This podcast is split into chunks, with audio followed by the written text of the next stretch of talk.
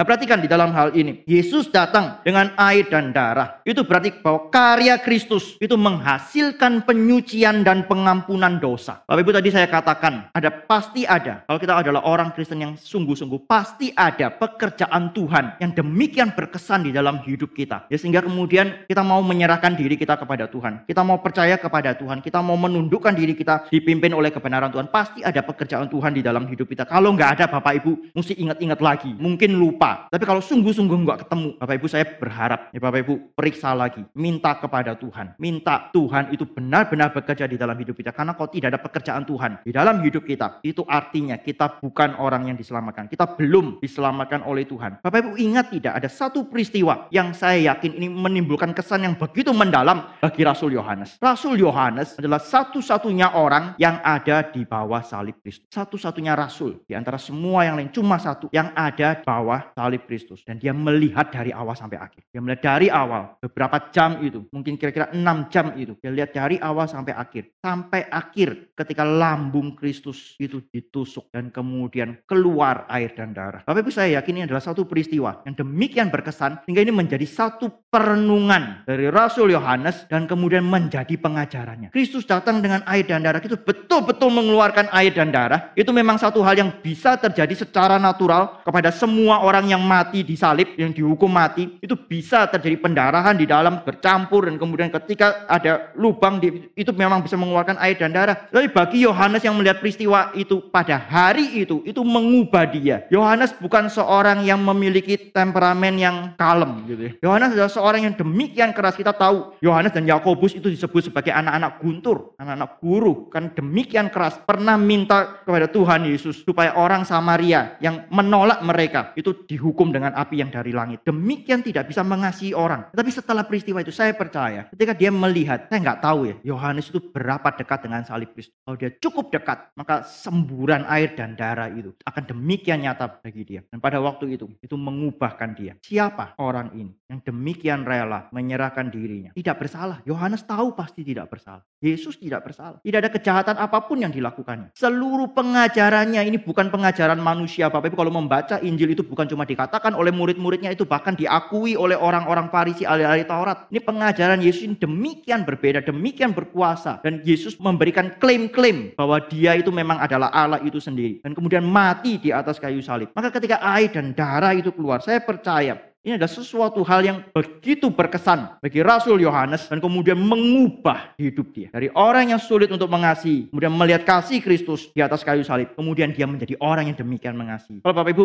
mengingat khotbah yang minggu lalu, saya katakan kasih Allah itu dinyatakan dengan memberikan anaknya yang tunggal ke dalam dunia mengutus anaknya yang tunggal ke dalam dunia untuk menjadi penebus, untuk menyelamatkan kita. Maka kasih Allah itulah yang dilihat oleh Yohanes, kemudian dia menerima itu dan Roh Kudus itu bekerja di dalam hidupnya, mengubahkan dia menjadi orang yang kemudian terus mengajarkan berkenaan dengan kasih. Kristuslah penggenapan dari ritual pembasuhan dan persembahan korban yang ada di dalam perjanjian lama ini. Dan ini diberikan kepada kita melalui kesaksian Roh Kudus. Bapak Ibu melihat di dalam ayat 6 1 Yohanes 5 ayat 6 kalimat yang kedua. Dan rohlah yang memberi kesaksian. Karena roh adalah kebenaran. Bapak Ibu saya akan bicara dulu mengenai roh adalah kebenaran. Mari kita melihat di dalam Mazmur 25 ayat 10. Segala jalan Tuhan adalah kasih setia dan kebenaran. Bagi orang yang berpegang pada perjanjiannya dan peringatan-peringatannya. Di sini dikatakan segala jalan Tuhan adalah kasih setia dan kebenaran. Ya, Bapak Ibu, di sini dikatakan roh itu adalah kebenaran. Roh adalah kebenaran itu sendiri. Mazmur 25 25 menyatakan jalan Tuhan itu adalah kasih setia dan kebenaran. Maka ini mau menyatakan bahwa Roh Kudus yang bersaksi itu adalah Allah itu sendiri. Roh Kudus adalah Allah Allah itu adalah kebenaran dan sekarang Roh Kudus ini bersaksi, memberikan kesaksian tentang Kristus yang datang dengan air dan darah. Maka Bapak Ibu,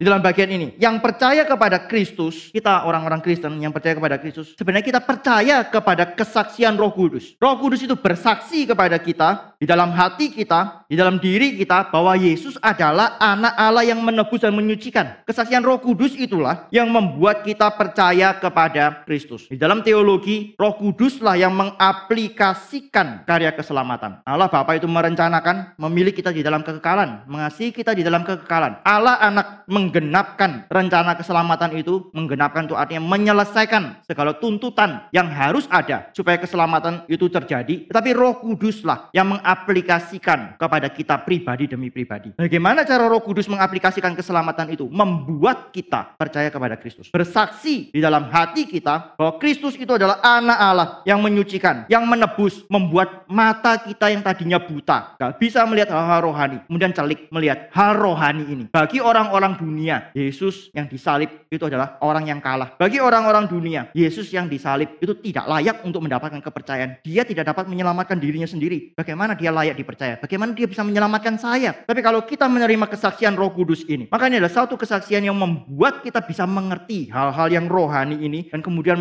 membuat kita menerima Kristus. Maka itu adalah pekerjaan Roh Kudus kepada kita.